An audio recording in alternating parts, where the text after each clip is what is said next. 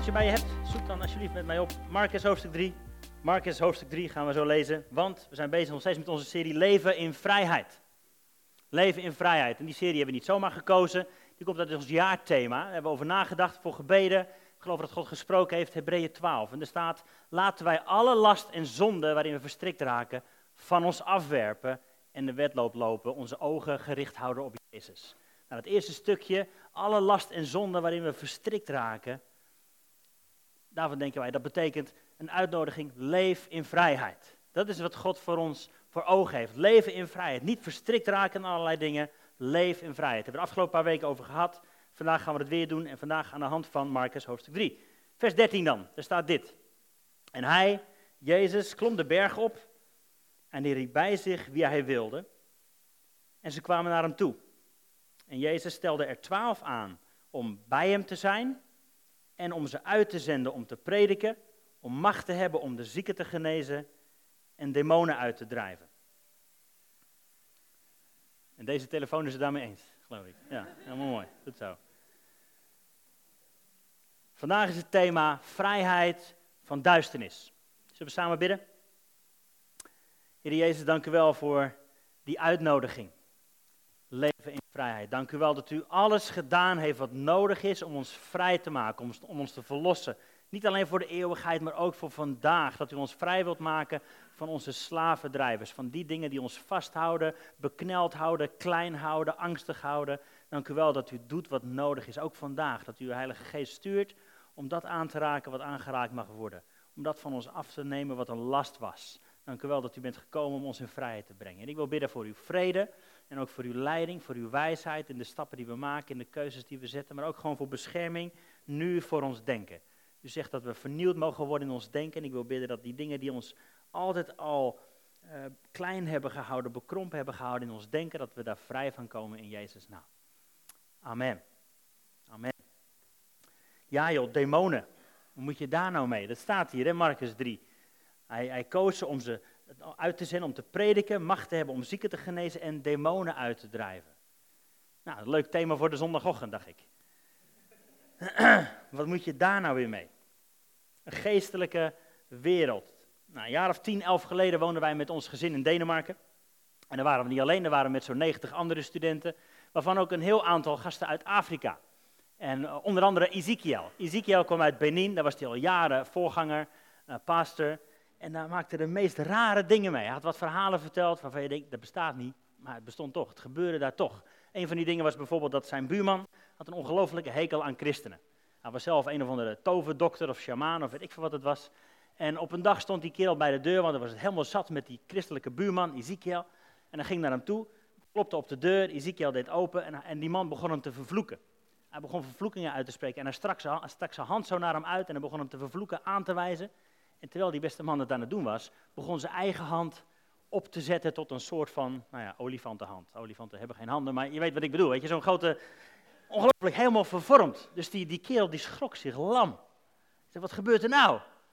Jouw God is sterker dan mijn God. Dit kan niet. Dus hij was helemaal in paniek. Ezekiel, je moet bidden dat mijn hand weer goed wordt. Dus Ezekiel zei, nou, dat wil ik best doen, maar het heeft geen zin als je je hart niet aan Jezus geeft. Anders ben je uiteindelijk erger af. Ah, dat doe ik niet. Dus hij ging weg met die grote hand. Volgende dag komt hij terug. Ja, het is nog steeds niet alles. Je moet bidden dat mijn hand weer goed wordt. Ja, dat wil ik wel doen. Maar dat heeft alleen zin als je je hart aan Jezus geeft. Anders ben je uiteindelijk erger af. Nou, dat ging zo een paar dagen door. Uiteindelijk kwam die man inderdaad tot het inzicht. Die God is groter dan mijn God. Ik geef mijn leven aan Jezus. En die hand werd weer normaal. Nou, bijzonder natuurlijk. Maar bizar voor onze westerse breinen, toch? Daar snap je geen fluit van. Er was ook nog een andere kerel, Chris uit Zambia. Die vertelde ook voor zulke rare verhalen die daar aan de orde van de dag zijn. Weet je mensen die die vervloekt worden en die in één keer helemaal verstenen. Letterlijk, gewoon. Kun je niks meer voorstellen, maar dat gebeurt. Dat is de kracht van de duisternis. Uh, ook nog hele gore verhalen over slangen en zo, maar dat, dat, ga ik nu maar niet doen. Echt heel vies. Dat, dat bestaat niet, maar het bestaat toch. Er is een geestelijke realiteit. Een wereld waar, waar, we ons misschien niet altijd bewust van zijn, maar die wel realiteit is. Jaren geleden, toen ik stage liep in de uh, verstandelijk gehandicaptenzorg, uh, toen liep ik een, een, een zaal op of een, groep op. En er zat een vrouwtje aan tafel. En die keek me aan. Hé, hey, heb je Oscar met zijn engelen. Ja, bizar toch? Maar het was echt de meest drukke groep, waar allerlei psychoses en weet ik het allemaal.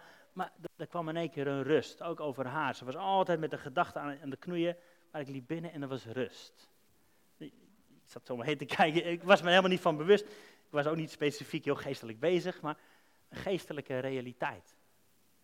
En rond die tijd ook waren we, uh, zaten we allebei op een studentengebedsgroep op donderdagavonden. Hele wilde tijden. Weet je, we begonnen om acht uur s'avonds met een kopje koffie, maar daarna ging het tot twee, drie uur s'nachts door met aanbidden. Maar ook met inderdaad dus het uitdrijven van demonen. Nou, we snapten er geen fluit van, maar het gebeurde wel. We waren gericht op Jezus en ergens in dat proces kon de duisternis, duisternis niet blijven. En begon er van alles te gebeuren. Een geestelijke wereld is echt. En ja, er zijn twee kanten. Er is duisternis en er is licht. Jezus zegt in Johannes 10, vers 10: De dief of de tegenstander die is gekomen om te stelen, te slachten en verloren te laten gaan. Dat is de agenda van de duisternis. Stelen, te slachten, te vermoorden. Maar, zegt Jezus, ik ben gekomen omdat ze leven hebben in overvloed. En dat is het goede nieuws. En daar gaan we voor vandaag. Maar goed, Marcus 3 hebben we dus gelezen om te genezen en om demonen uit te drijven. Nou, als je, eh, een paar stapjes terug, hè, Marcus 1. Marcus is een boek, hij heeft een beetje haast lijkt het wel. En ze, ze zeggen dat hij, um, dat zijn bron was Petrus. Nou, Petrus is ook een mannetje die haast en tempo, vooruit, hup, ga met die geit. Zo is dat boek ook een beetje geschreven, dat merk je wel. Hij begint meteen met, Jezus komt op het, uh, op het platform, hij werd gedoopt en werd verzocht in de woestijn en hij ging aan de gang. De discipelen werden geroepen, een stelletje vissers, een stelletje tollenaars, mensen die er niet bij horen, hup, aan de gang. En Jezus gaat aan de gang. Hij gaat preken over het koninkrijk van God. En wat er dan gebeurt, hij preekt het niet alleen, hij doet het ook. Er komen genezingen en demonen worden uitgedreven. Hij kwam het koninkrijk van God brengen. Nou, we weten, het koninkrijk van God bestaat uit rechtvaardigheid, vrede en vreugde in de Heilige Geest. Dat is de content van het koninkrijk van God. Dat was ook de content van Jezus' boodschap. En als we het hebben over rechtvaardigheid, dan kun je heel simpel denken aan: het is recht en in lijn met de plannen en de bedoeling van God. Dat is rechtvaardigheid. Het komt in lijn met de bedoeling van God. En dat zien we hier gebeuren. Ziekte en demonen zijn niet in lijn met het koninkrijk van God. Dat is niet rechtvaardig, dus dat moet eruit en er moet gaan en er moet rust komen. Dat is wat Jezus aan het doen was. En dat zie je door het hele Nieuwe Testament heen. En vandaag gaan we daar een beetje over lezen, een beetje over leren. Hoe werkt dat met demonen uitdrijven? Hoe werkt dat met die geestelijke wereld? Misschien je dat verhaal wel over die, die man die bezeten was, zo staat er dan, hè, door een legioen, door ontelbaar veel demonen, en die dan in varkens gestuurd worden. Ook van dat soort rare verhalen dat je denkt, ik snap er niks van. Soms worden demonen ook gekoppeld aan, aan ziekte. Of, of, of aan, nou, we zouden het nu noemen, psychiatrische stoornissen. Dat staat in de Bijbel. Goed om te weten, denk ik, dat niet alles demonisch is. Zullen we daarmee beginnen? Dat niet alles demonisch is. Als je hoofdpijn hebt, hoef je geen demon uit te drijven. Weet je, maar zulke kromme beelden kun je daarvan krijgen. Maar dat is goed om te weten. Laat daar rust over zijn. Ga je niet angstig of weet ik veel wat van, oh nee, is er wat aan? Nee, nee, laat er rust over zijn.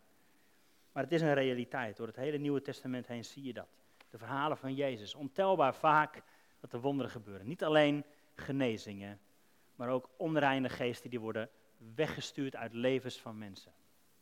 Waardoor ze in rust kunnen leven en in het koninkrijk van God kunnen leven. Efeze 6 staat ook zo'n soort oproep die ons ervan bewust maakt. Hé, hey, er is een strijd, er is duister, er is licht. Efeze 6, hij komt niet achter me, schrijf hem eventjes op. Er staat, bekleed u met de hele wapenrusting van God. Opdat je stand kunt houden tegen de listige verleidingen van de duivel. Dus het is een actie aan onze kant. Bekleed je met de wapenrusting, opdat je kunt stand houden tegen de listige verleidingen van de duivel. Want we hebben niet te strijden tegen vlees en bloed, maar tegen overheden en machten en wereldbeheersers van de duisternis van dit tijdperk. Tegen de geestelijke machten van het kwaad in de hemelse gewesten. Nou, er staat nogal wat. En één keer worden onze westerse ogen geopend voor, hé, hey, er is iets onzichtbaars, maar het heeft wel macht en autoriteit. En het, op een of andere manier werkt dat dus hier in deze wereld en ook in ons leven als we niet uitkijken. Daarom moeten we een wapenrusting aandoen, omdat we weerstand kunnen bieden op de dag van het kwaad en opdat we stand kunnen houden. Wees je ervan bewust.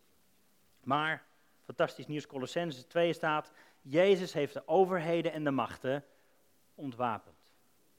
Daar aan het kruis heeft hij ze ontwapend. Alle macht die ze hadden, heeft hij ontwapend en ze openlijk te schande gemaakt en over ze getriomfeerd. Colossense 2, vers 15. En dan nog zo'n verhaal, dat je denkt, hoe, waar, gaat hier, waar gaat het hier over? Lucas 10, de 70 gaat het over. Nou, dat waren twaalf discipelen, hebben we net gelezen, maar daaromheen was een grotere schil van meer discipelen. En er was een dag dat Jezus over ze blies, de Heilige Geest gaf en ze erop uitstuurde om te gaan. En na verloop van tijd kwamen ze terug met de blijdschap en zeiden ze, Heer, zelfs demonen zijn in uw naam aan ons onderworpen. En Jezus zei, ik zag Satan als een bliksem uit de hemel vallen. Zie, ik geef jullie de macht om op slangen en schorpioenen te trappen en de macht over alle kracht van de vijand en niets zal u schade toebrengen. Ik zag de Satan als een bliksem uit de hemel vallen. Waar gaat dit over? De Bijbel is niet zo'n soort geschiedenisboek dat dat heel duidelijk wordt uitgelegd, puntsgewijs. Maar er zijn wel wat hints, er zijn wel wat blikken in die tijd eh, voor, voor ja, voor het begin eigenlijk. De eerste keer dat we de duivel tegenkomen, we pas over gehad in Genesis. Weet je nog, de slang? Die begon met leugens. Die begon met halve waarheden. Leugens die we geloven over God, over onszelf, over elkaar, over de wereld. God, God houdt niet echt van je. God, God is niet echt te vertrouwen. God houdt, eigenlijk houdt hij wat voor je achter. Leugens die we geloven, zo begon het. Leugens die ons klem zetten in ons denken. Maar ook in het Oude Testament lezen we over, over, over demonen, over afgoden, die, die, die stammen beheersen, die landen beheersen, die naties beheersen en die invloed hebben. Maar goede vraag is, waar komt het dan vandaan? Het was afgevraagd? Als God nou alles gemaakt heeft, heeft hij dan ook het kwade gemaakt? Want die vragen die je eigenlijk niet mag stellen in de kerk natuurlijk is wel goed om, om, over na te denken. Want dat zijn hele reële dingen. Je kent al van die yin-yang dingen, weet je wel. Het zwart en wit en zo. Ja, het balans en goed en slecht heeft elkaar nodig. Houdt elkaar in balans. Voor je het weet denk je, ja, maar God heeft ook de duivel gemaakt. Dus ja, dat, dat hoort er dan wel bij of zo. Waar komt dat vandaan? Waar komt dat vandaan? Ik zei al, het is niet zo'n geschiedenisboek, maar er staan wel een paar profetieën die wijzen naar koningen vroeger, die Israël aanvielen, slechte mensen maar eigenlijk naar geesten en machten en overheden achter die koningen. Zo'n stukje lezen Ezekiel. Dan lezen we iets over de herkomst, zeg maar, van duisternis en kwaad en de duivel. Ezekiel hoofdstuk 28. Gaat het eigenlijk over een koning, koning van Babel. Maar we zullen snel genoeg zien, het wijst ook naar een geestelijke realiteit hierachter wordt hij geprofiteerd vanaf vers 12. U, toonbeeld van volkomenheid, vol wijsheid, volmaakt van schoonheid. U was in Eden, de hof van God. Eden was de naam voor het paradijs. Allerlei edelgesteente was uw sieraad. Robijn, topaas, diamant, turkoois, onyx, jaspis, saffier, smaragd, beryl, goud. Het werk van uw tamboerijnen en uw fluiten was bij u. Op de dag dat u geschapen werd, waren ze gereed. U was een gerub die zijn vleugels beschermend uitspreidt. Daarvoor heb ik u aangesteld. U was op Gods heilige berg. U wandelde te midden van vurige stenen. Volmaakt was u in uw wegen. Vanaf de dag dat u geschapen werd. Nou, dit gaat duidelijk niet over een mens van vlees en bloed, zou je denken. Dit wijst naar een andere geestelijke realiteit. Want hier staat, u was volmaakt in uw wegen vanaf de dag dat u geschapen werd, totdat er ongerechtigheid in u gevonden werd. Door de overvloed van uw handel vulde men uw midden met geweld en ging u zondigen. Daarom verbande ik u van de berg van God en deed ik u verdwijnen, beschermende Gerub, uit het midden van de vurige stenen. Vanwege uw schoonheid werd uw hart hoogmoedig. U richtte uw wijsheid te gronden vanwege uw luister en ik wierp u ter aarde. Ik stelde u voor koningen, opdat ze op u neer zouden zien. Dit lijkt een beetje op wat Jezus net zei. Ik zag Satan uit de hemel vallen. Misschien beschrijft hij dat hier. Jezaja 14 dan, ook zo'n tekst. Die ook gaat over een andere koning, maar eigenlijk ook over de geestelijke realiteit daarachter. Hoe bent u uit de hemel gevallen, morgenster? Vanaf vers 12. Zoon van de dageraad. Morgenster, wat hier staat trouwens, wordt ook vertaald met Lucifer. Nou, die naam kennen we waarschijnlijk als het gaat over de duivel. Hoe bent u uit de hemel gevallen, morgenster, zoon van de dageraad? U ligt geveld op de aarde, overwinnaar over heidevolken. En u zei in uw hart, ik zal opstijgen naar de hemel. Tot boven Gods sterren zal ik mijn troon verheffen. Ik zal zetelen op de berg van de ontmoeting aan de noordzijde. Ik zal opstijgen boven de wolkenhoogte. Ik zal me gelijkstellen met de Allerhoogste. Maar nu echter bent u in het rijk van de dood neergestort, in het diepst van de kuil. Nou, hier is een klein beetje een profetische hint naar hoe het was voor de schepping, voor de tuin, voor de slang in de hof.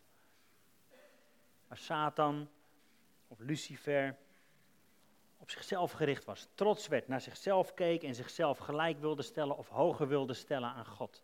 En daardoor uit de hemel viel. Uit de hemel viel. Dus ook een hint, je kunt er allemaal mooie theologische discussies over hebben, over, over, over die instrumenten die genoemd werden, over de fluit en de tamboerijnen. Sommige theologen zeggen, hij was bedoeld als engel van aanbidding. Is de hoofdengel van aanbidding. Het eerste wat aangevallen wordt in je leven is vaak aanbidding. Je raakt op jezelf gericht en je stopt met God te geven wat hem toekomt. Engel van aanbidding. Dus even een voorlopige conclusie. God schept mensen en dus ook engelen met een keuze. Heeft God alles geschapen? Absoluut. God is schepper van alles wat is. Maar we zijn wel geschapen met een keuze. Dat zien we hier ook gebeuren met Satan. Hoe zijn hart hoogmoedig werd en hoe hij kon kiezen tegen. Geldt ook voor jou en mij. Ik geloof niet dat er in die zin slechte mensen worden geschapen. Jij en ik hebben wel een keuze. Pas eens af te vragen. Stel je nou voor dat Martin Luther King, voor de meesten wel bekend, hij geloofde in geweldloos verzet. Hij was absoluut tegen racisme, tegen ongelijkheid en hij wilde zijn stem laten horen, maar hij wilde geen geweld gebruiken. En hij had invloed op miljoenen, miljoenen Amerikanen. Wat hij zei, daar gingen ze voor. Ik geloof dat hij een, een hedendaagse profeet was, door God aangesteld om zijn woord, zijn waarheid te laten horen. Maar stel je nou eens voor dat hij wanhopig was geworden en dacht, weet je wat, we pakken de wapens op en we gaan ervoor. Dan waren de miljoenen, miljoenen Amerikanen de straat op gegaan met geweren, pistolen en van alles nog wat, om een burgeroorlog aan te laten breken. Hij was gekozen om dat te brengen, dat woord, maar had wel een keuze hoe hij dat zou doen. Hij had de keuze om het goede te doen en een positieve invloed achter te laten, of de keuze om het slechte te doen. Potentie in ons allemaal. Hetzelfde geldt, denk ik, voor Hitler. Ik geloof niet dat het Gods plan was, dit. De eerste paar jaar van zijn bewind ging het Duitsland goed. Krabbelden ze weer op, kwam er weer hoop. Maar ergens sloeg dat om. En die enorme potentie om het goede te doen sloeg om naar een ongelofelijke potentie om het kwade te laten losbarsten. Dit is conclusie 1. God schept mensen met een keuze. Jou, jij en ik, we hebben een keuze. Liefde veronderstelt keuze. Als we zeggen dat God liefde is, dan veronderstelt dat keuze. Liefde is nooit gedwongen. Liefde is nooit door robotten uitgevoerd. Jij en ik kunnen kiezen voor of kiezen tegen. Allebei met die gevolgen die daarbij horen. Dus dat is de eerste conclusie. Nummer twee dan. Er is een geestelijke macht die tegen God en zijn schepping is. Tegen God en zijn schepping. God schiep ons, geloven we, we hebben vorig jaar een hele jaar over gehad, als koninklijke priesters. Dat is hoe hij ons als mens bedoeld heeft. Om koningen en priesters te zijn en over zijn schepping te heersen. Om te dienen, om te aanbidden, om alles tot bloei te laten komen, om tot zegen te zijn. En juist dat wordt tegengewerkt in ons leven. We vergeten God te aanbidden. We vergeten te dienen, maar we gaan overheersen. Het hele beeld van koninklijke priesters is, is verward en raar geworden door de invloed van de duisternis daarin. Dus nummer één, God schept ons, God, mensen met een keus. Nummer twee, er is een geestelijke macht die tegen God en zijn schepping is. Die tegen jou en mij is. Dat is een realiteit. Er is een macht die tegen jou en mij is. En nummer drie, jouw keuzes hebben invloed op wat invloed heeft op jouw leven. Jouw keuzes hebben invloed op wat invloed heeft op jouw leven. Dat is een diepe, hè?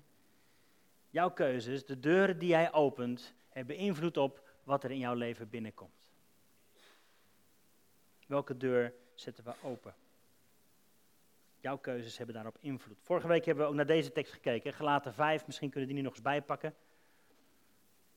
Dit gaat over de werken van het vlees. Eigenlijk heel satanisch als je dit allemaal zo doorleest. Het is bekend wat de werken van het vlees, oftewel dat wat tegen God is, zijn. Namelijk overspel, hoererij, onreinheid, losbandigheid, afgoderij, toverij, vijandschappen, ruzie, afgunst, woedeuitbarstingen, egoïsme, oneenigheid, afwijkingen in de leer, jaloersheid, moord, dronkenschap, zwelgpartijen en dergelijke. Waarvan ik u voor zeg, zegt Paulus, zoals ik ook al eerder gezegd heb, dat als je zulke dingen doet, je het koninkrijk van God niet zult beërven. Is nogal wat. Is best een hele lijst waarvan je denkt, oeps, af en toe zijn het dingen waar ik naar grijp. Want ja, ik ben vrij om te kiezen. Dus af en toe mag ik daar naar grijpen. Ik mag woedeuitbarstingen hebben, ik mag ruzie hebben, ik mag enzovoort enzovoort. Dat, zo, zo voelen we ons toch wel eens? Ik heb daar recht op. Maar hiermee zet je een deur open voor duisternis in je leven.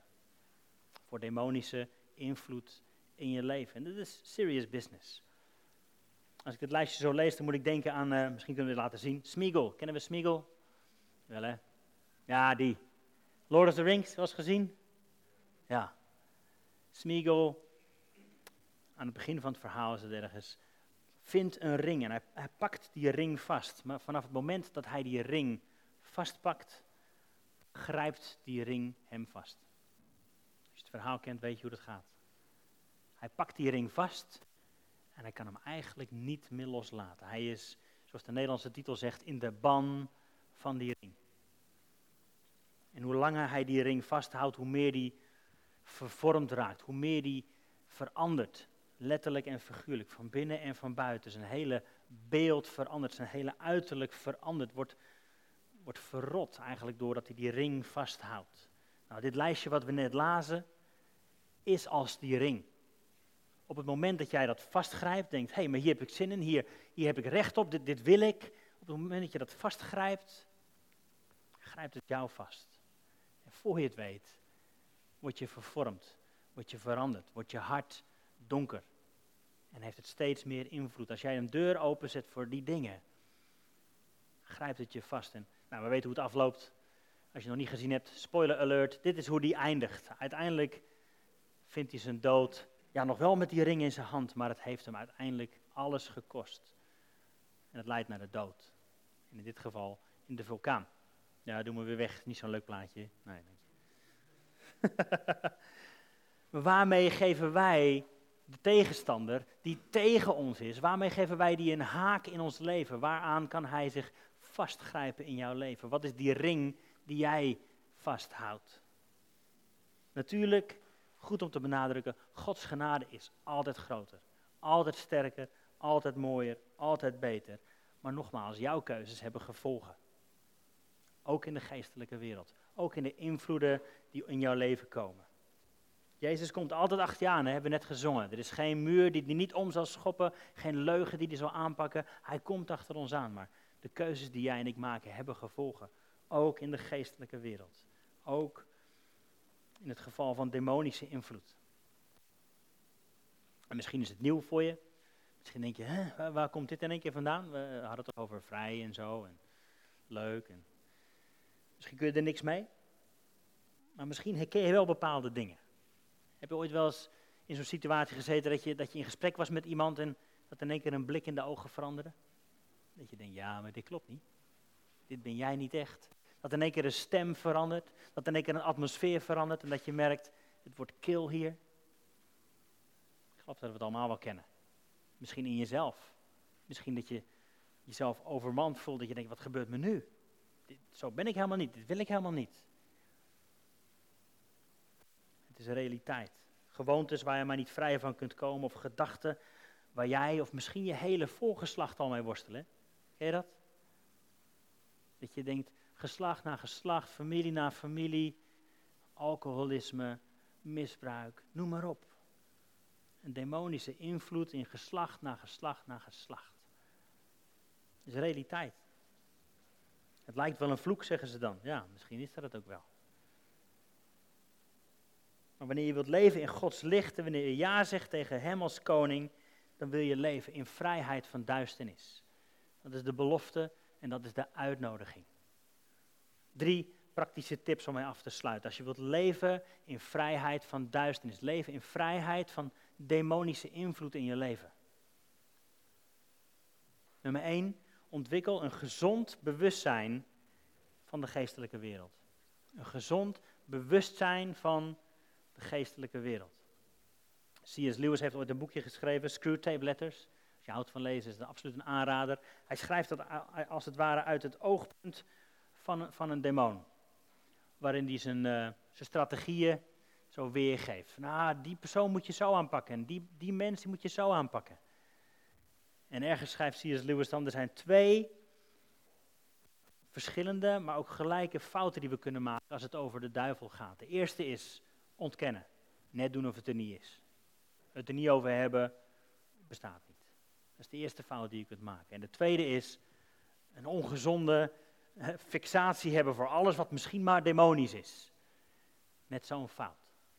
Ontwikkel een gezond bewustzijn. Ga niet naar links of naar rechts. Wie heeft wel eens Frank Peretti gelezen, die boeken? Ken je die nog van vroeger? Ja, eh, op zich best hele leuke boeken, maar voor je het weet zie je achter elke boom een demon. Toch? Dat je denkt, oeh, wat gebeurt daar? Die deur valt dicht, wat gebeurt daar? Weet je? je ziet allemaal vreemde dingen ineens.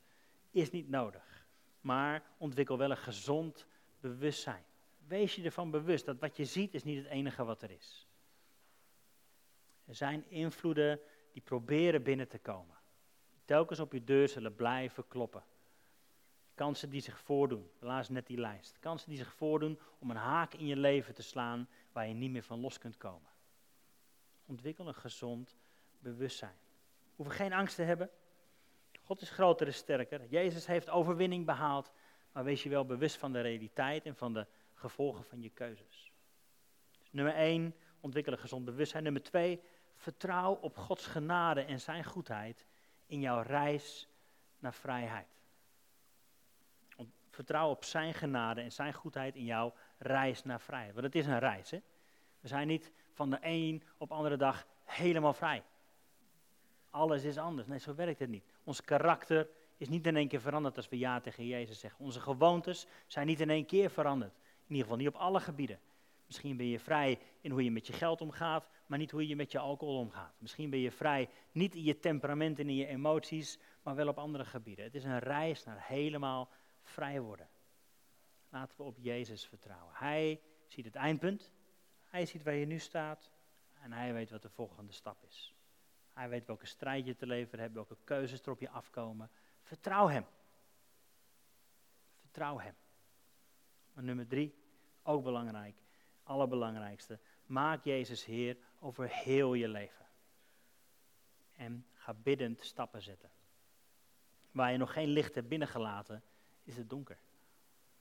Mag Jezus Heer zijn over heel je leven. Was eerder het voorbeeld gebruikte van, stel nou dat Jezus zegt, hey, mag ik in jouw auto rijden? De auto van jouw leven. Waar zit hij dan? Zit hij op de achterbank?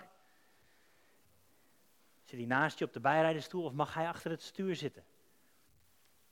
Mag hij de richting bepalen van je leven? En ga je er daarnaast zitten op de bijrijdersstoel en zeggen, Jezus, waar ga je nu heen? Ja, linksaf hier naar, uh, naar vrijheid van, uh, van angst. Ja, nee, kunnen we niet, niet rechtdoor? Volgens mij is het beter om rechtdoor te gaan. Nee, nee, we moeten linksaf, zegt Jezus. Tijd om vrij te worden van angst. Tijd om vrij te worden van je woede, van je jaloezie. Misschien is het tijd om vrij te worden van je drank. Misschien is het vrij tijd om vrij te worden van, mag Jezus dat stuur vasthouden? Hij rijdt richting vrijheid.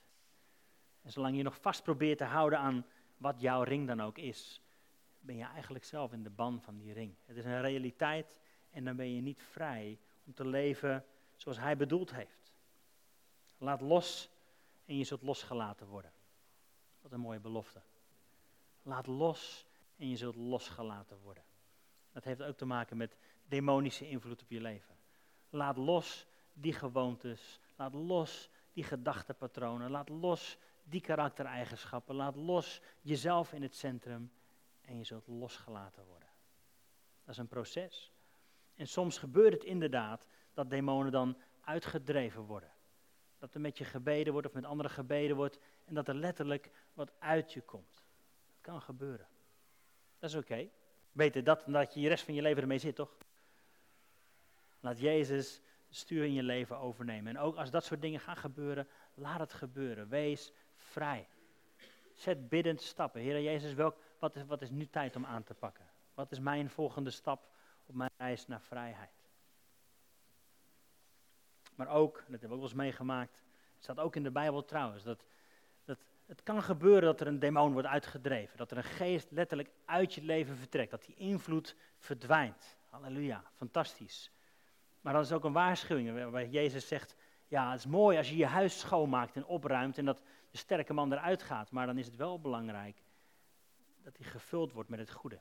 Dat de Heilige Geest daar komt wonen. Want je kunt er wel een demon uitsturen, maar als je het niet gaat vullen met Gods waarheid, komt het zeven keer zo erg terug. Daarom maakt Jezus Heer over heel je leven en zet biddend stappen. Dus, demonen uitdrijven hoort bij. Geestelijke invloed van de duisternis in ons leven en in het leven om ons heen wegsturen, hoort erbij. Dat is het normale christelijke leven. Jezus stuurde, of riep zijn discipelen, en dan mag je ook je eigen namen vullen, om bij hem te zijn. Daar begonnen we mee, Marcus. Om bij hem te zijn, dat is de sleutel. Om bij hem te zijn. Nummer twee, om te preken, om het goede nieuws te vertellen. En om Gods koninkrijk mee te delen, Gods rechtvaardigheid. Maar ook om zieken te genezen en om demonen uit te drijven. Daar waar jij en ik komen, is dat wat we doen. Is dat wie we zijn. We zijn dragers van zijn aanwezigheid en waar we komen, zal duisternis moeten verdwijnen. Of dat nou op je werk is, of in je klas, of in je familie. Daar waar jij met Gods licht binnenkomt, zal de duisternis moeten gaan verdwijnen. En soms is dat een clash. Maar wees zeker dat God groter is en sterker is en met je is. Zullen we gaan staan? Dan willen we tijd nemen om te bidden.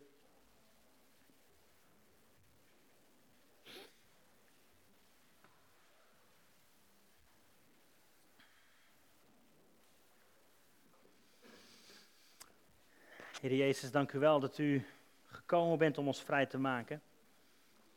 Dat u gekomen bent om ons te verlossen van elke invloed van de duivel, van demonische activiteit. Heer, en u bent al lang bezig in ons leven om ons daarvan vrij te maken.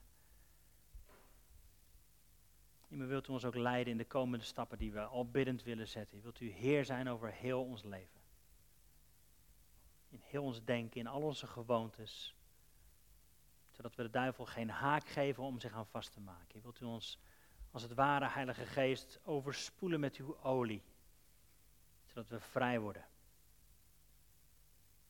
Vrij van duisternis. Wilt u schijnen met uw licht, met uw waarheid, met uw liefde, zodat leugens geen haken meer kunnen slaan, dat er vrijheid is.